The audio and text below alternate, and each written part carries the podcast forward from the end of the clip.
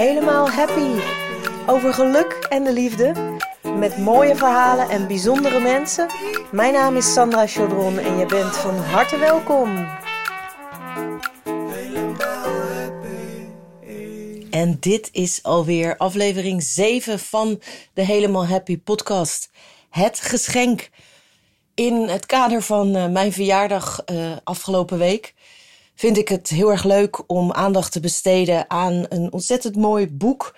Wat uh, nog niet zo lang geleden is uitgekomen. Het heet Het Geschenk en het is van Dr. Edith Eva Eger. Ik heb haar boek De Keuze. Die heb ik uh, twee jaar geleden gelezen. 2018 alweer. Toen was ze in Nederland. En Edith Eger is een psycholoog, een holocaust survivor. Ze is inmiddels 93 jaar en nog steeds zeer actief.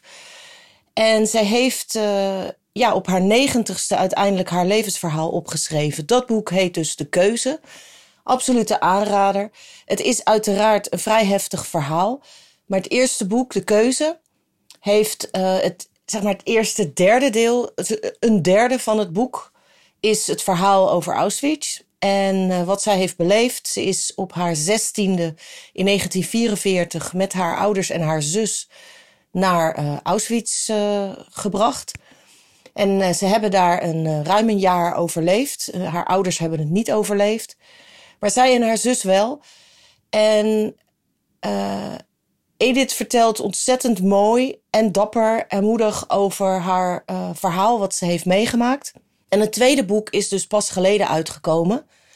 En dat heet Het Geschenk. Dus dat vond ik heel erg leuk. Uh, ik heb namelijk ook precies op de ochtend van mijn verjaardag het uitgelezen. Dus dat vond ik een mooie aanleiding om te zeggen: ik ga het eens eventjes hebben over deze prachtige vrouw, over deze mooie boeken, omdat ik graag wil dat jullie uh, op de hoogte zijn dat deze boeken bestaan. En je kunt natuurlijk ook, als je geen lezer bent, gewoon eens uh, interviews met haar opzoeken. Ze is ook bij Oprah geweest. Op YouTube, als je Edith Eger uh, intypt, en Eger is dus als een egel, maar dan met een R. Um, hoe je het schrijft. En dan kun je haar ook vinden. Ze staat ook wel bekend, bekend als de ballerina van Auschwitz. Dus op YouTube kun je natuurlijk ook een heleboel mooie video's waarin zij haar verhaal vertelt uh, bekijken voor degene die uh, geen lezer is. Maar Edith Eger is dus een psycholoog. Ze is op de vijftigste uiteindelijk afgestudeerd. En dat vind ik ook een heel mooi verhaal, want uh, ze, heeft, uh, ze was 17 toen ze uiteindelijk in een berg, ja, zo goed als dode mensen teruggevonden werd door het Amerikaanse leger. Toen had ze ook haar rug gebroken, was natuurlijk zwaar uitgehongerd en uh, op sterven na dood. En toen heeft ze een hele tijd van revalidatie door moeten maken. En daarna is ze naar Amerika verhuisd, is ze getrouwd. En daar zijn ze samen, samen met haar man een nieuw leven gaan opbouwen. En toen kwamen er natuurlijk kinderen. En op die manier is de tijd voorbij gevlogen. En toen haar kinderen ja, zelfstandiger werden, op een leeftijd kwamen dat zij uh, ze, hun moeder minder nodig hadden, kwam zij in een fase dat zij dacht van ja, het is toch eigenlijk niet eerlijk, want ik heb altijd willen studeren. En ze had sowieso, uh, ze was bezig om, uh, ze was ballerina, ze, ze zat op ballet op haar zestiende, zat op hoog level. Ze zou ook naar een Olympisch team was ze in terecht gekomen. En toen kwam Auschwitz en de oorlog en door het breken van haar rug ook in het kamp, heeft zij daarna nooit meer als ballerina aan de slag kunnen gaan. En toen is ze uiteindelijk bedacht ze, ik wil gaan studeren. En psychologie had altijd al haar interesse. En toen op een gegeven moment was een van haar leraren die zei van... Uh, ja, waarom ga je nou niet gewoon de studie psychologie doen? En toen zei zij zelf van ja, wat heeft dat nou voor nut? Want dan ben ik 50 als ik afgestudeerd ben. Zo van, ik ben al te oud. En toen heeft die uh, leraar tegen haar gezegd... 50 word je toch wel. En dat heeft haar aangezet om het gewoon te gaan doen. En uh, ja, op natuurlijk toch wat oudere leeftijd tussen jonge studenten te gaan zitten en gewoon alsnog die studie te gaan doen. Want ja, 50 word je toch wel. Dus Of je bent dan afgestudeerd alsnog, of je hebt uh, ervoor gekozen om, uh, om het niet te doen. Dat kan ook. Dus dat is al een heel inspirerend uh, verhaal, vind ik, van haar. Nou ja, deze vrouw staat helemaal bomstrak van de inspirerende verhalen. Maar in ieder geval, ze is uiteindelijk afgestudeerd en inmiddels 93. Dus ze is nu al 43 jaar actief, werkt met veteranen.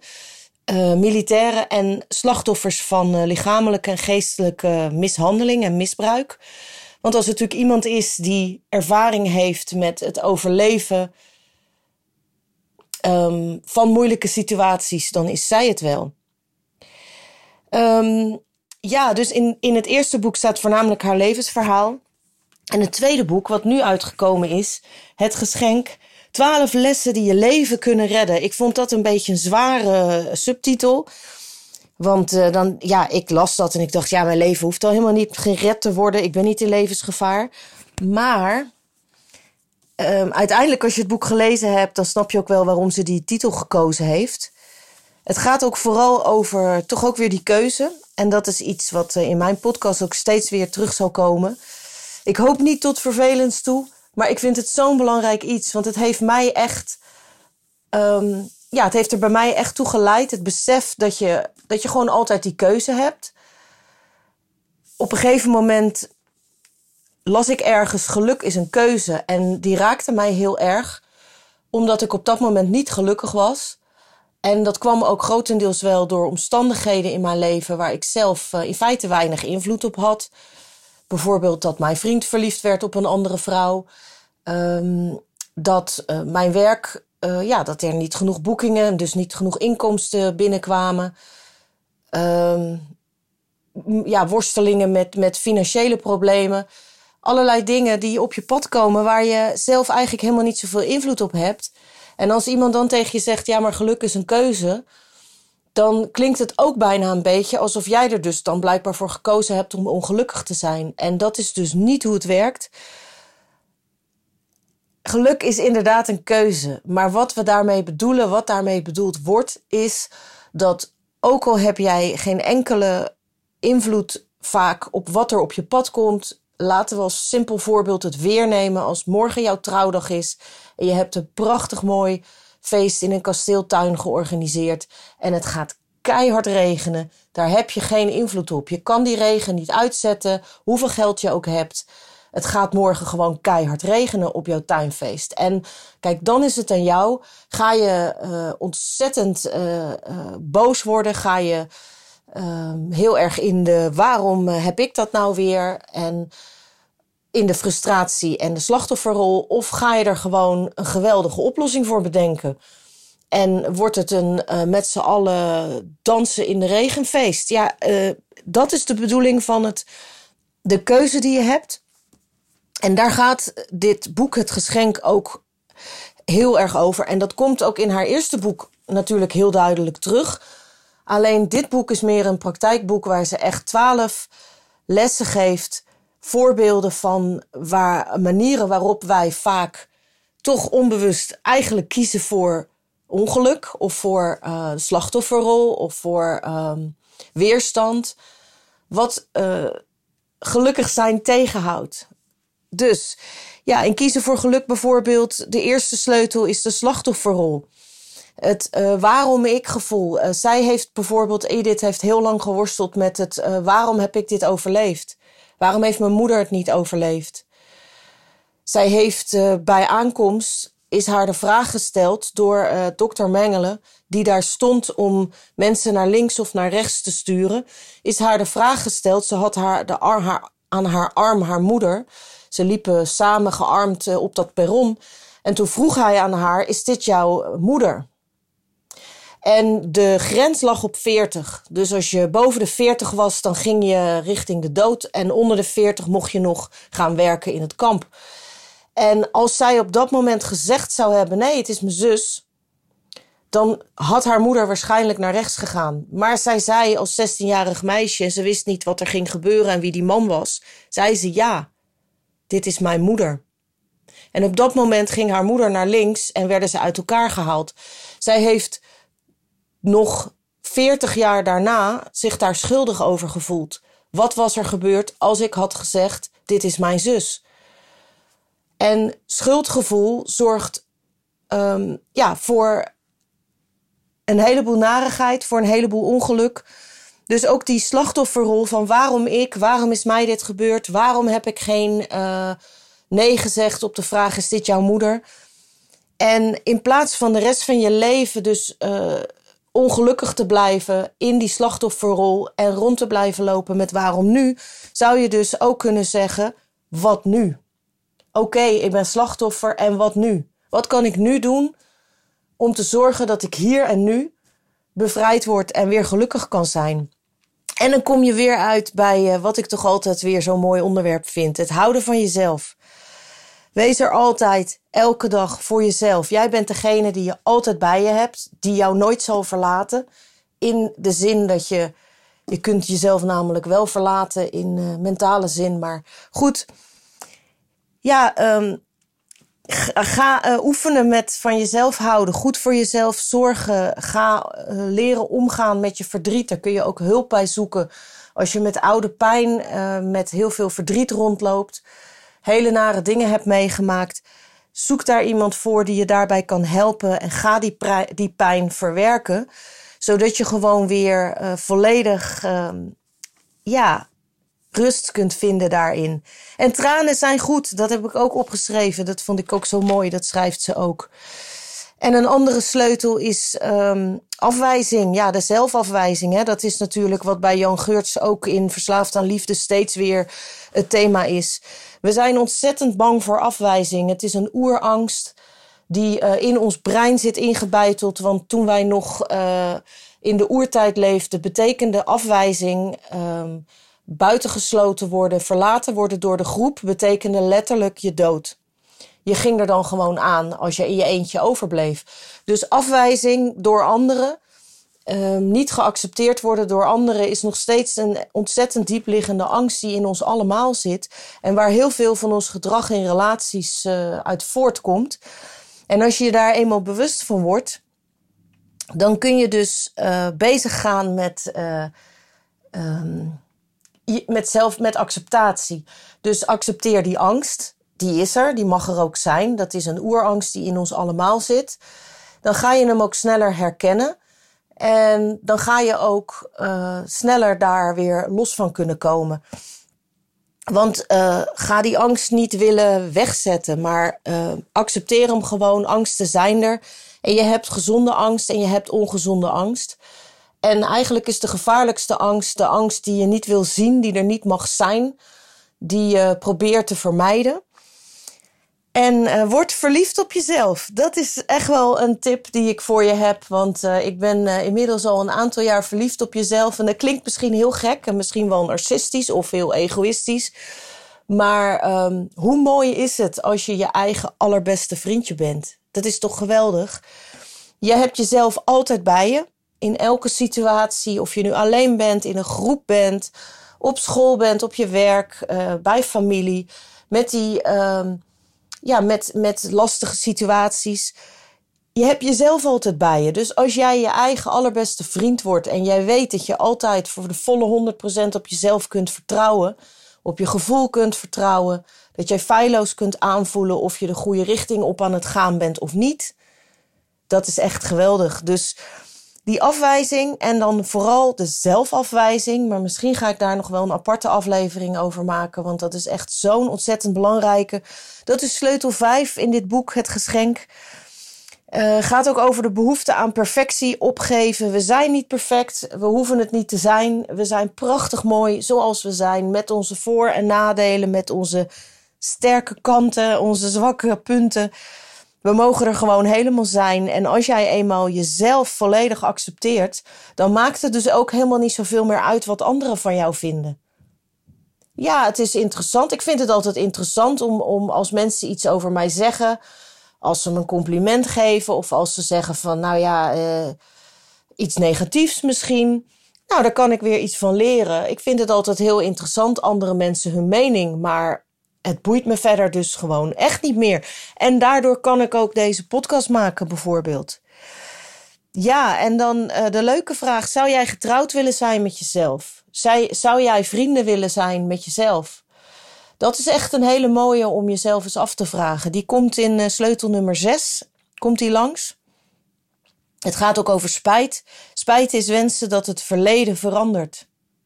Dat kan dus niet. We kunnen het verleden niet meer veranderen. Je kunt alleen, in die zin zou je wel het verleden kunnen veranderen. Je kunt hoe jij denkt over het verleden, je gedachten over het verleden, kun je wel veranderen.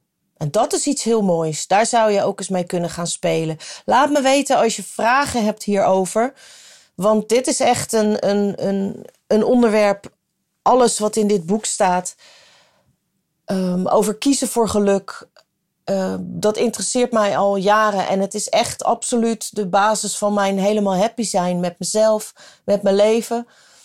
Um, het is ook wat ik zo ontzettend mooi vind uh, de sleutel naar vrijheid, absolute vrijheid. Want um, ja, zij heeft het ook over de gevangenis. Um, de grootste gevangenis, en dat is iemand die in Auschwitz gezeten heeft. Hè? En meerdere kampen trouwens nog. Want op een gegeven moment hebben de Duitsers Auschwitz leeggehaald. En moesten de overlevende gevangenen, moesten, hè, de bekende Mars, moesten naar andere kampen. Omdat ze wisten dat de Amerikanen eh, steeds dichter in de buurt kwamen van Polen. Um, dus nou ja, dat is weer een ander verhaal. Maar in ieder geval, als er iemand in de gevangenis gezeten heeft, is zij het. En um, zij zegt, de grootste gevangenis zit in je, in je mind. Dus in je hoofd, je gedachtes, is de allergrootste gevangenis waar wij onszelf gevangen houden. En de sleutel, die zit in je zak. Nou, als je dat eenmaal weet, dan kun je natuurlijk heel snel jezelf bevrijden uit die ellendige gevangenis van je gedachtes en je negativiteit. Dus spijt is wensen dat het verleden verandert. En dan heeft ze een heel mooi stukje over omgaan met verdriet, onverwerkt verdriet. Um, ik ken iemand, uh, haar dochter is overleden, ongeveer dezelfde leeftijd als ik nu heb. Um, ja, ik ken meerdere mensen, wij allemaal. Ik ben zelf heel rijk op dat gebied. Ik heb uh, nog maar heel weinig mensen verloren. Ja, alleen mijn opa's en oma's die op, op hoge leeftijd waren. Maar niet een plotselinge vriend of vriendin, een jong persoon, iemand die zomaar ineens wegvalt. Of, of dat je een kind verliest natuurlijk. Een, ja, toch wel uh, het, grootste verdriet wat je zo'n beetje mee kunt maken. Um, Vier je geliefde. Laat de doden met rust. Uh, geef uiting aan je verdriet. Laat het verdriet je niet leiden. Um, vier het leven ter ere van jouw geliefden die overleden zijn. Zo ontzettend mooi dat stuk. Dat is sleutel 6. Gaat over onverwerkt verdriet. En dan natuurlijk over angst. Ook ontzettend mooi, dat is sleutel 9. Nou, ik ga natuurlijk niet het hele boek met jullie bespreken, maar ik wil het wel nog even hebben over uh, hoofdstuk 10, waar ze het heeft over de natie in jou. Het gaat over oordelen, veroordelen en um, hoe je in alle omstandigheden met alle mensen die je tegenkomt, wat ze je ook aandoen. En dan heeft zij het dus zelf over de Duitsers in die tijd, um, die haar ouders vermoord hebben. Kies voor medeleven. Zo onwijs mooi dat deze vrouw, hoe zij daarover schrijft, uh, ook over mensen die jou irriteren, hoe dat je grootste leraren zijn en dat je altijd voor medeleven kunt kiezen en kunt kijken naar de mens achter het gedrag. Dat vind ik ook vooral zo mooi. We zijn geboren om lief te hebben en haat is aangeleerd. Kippenvel gewoon. Ze vraagt je ook: wat wil jij doorgeven? Ga jij generatie op generatie ervoor zorgen dat uh, oude boosheid en angst en onverwerkt verdriet invloed blijft hebben op jouw handelen, op jouw leven? Of ga je kiezen voor geluk? Ga je kiezen voor vrijheid? Ga je wat er gebeurd is uh, verwerken, loslaten? En dan komen we ook uit bij het uh, vergeven. Ja, vergeving is hoofdstuk 12. En er is ook nog een sleutel over hoop. Vergeving is iets dat doe je voor jezelf.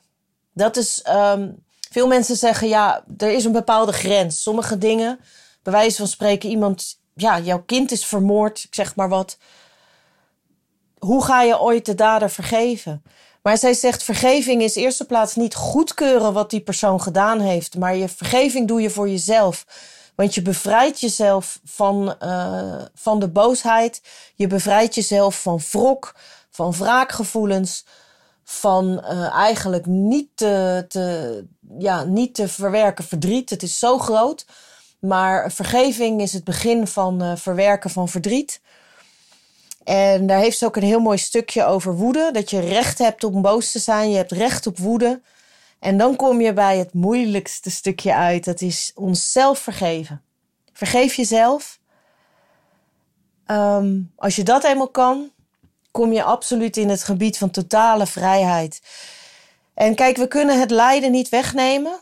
Uh, er is momenteel natuurlijk, we zitten in een periode wat uh, voor heel veel mensen voor, wereldwijd ontzettend moeilijk is ondernemers die, uh, die, die, die worstelen, die aan het overleven zijn, die op het eh, punt staan hartstikke failliet te gaan en in diepe schulden terecht te komen.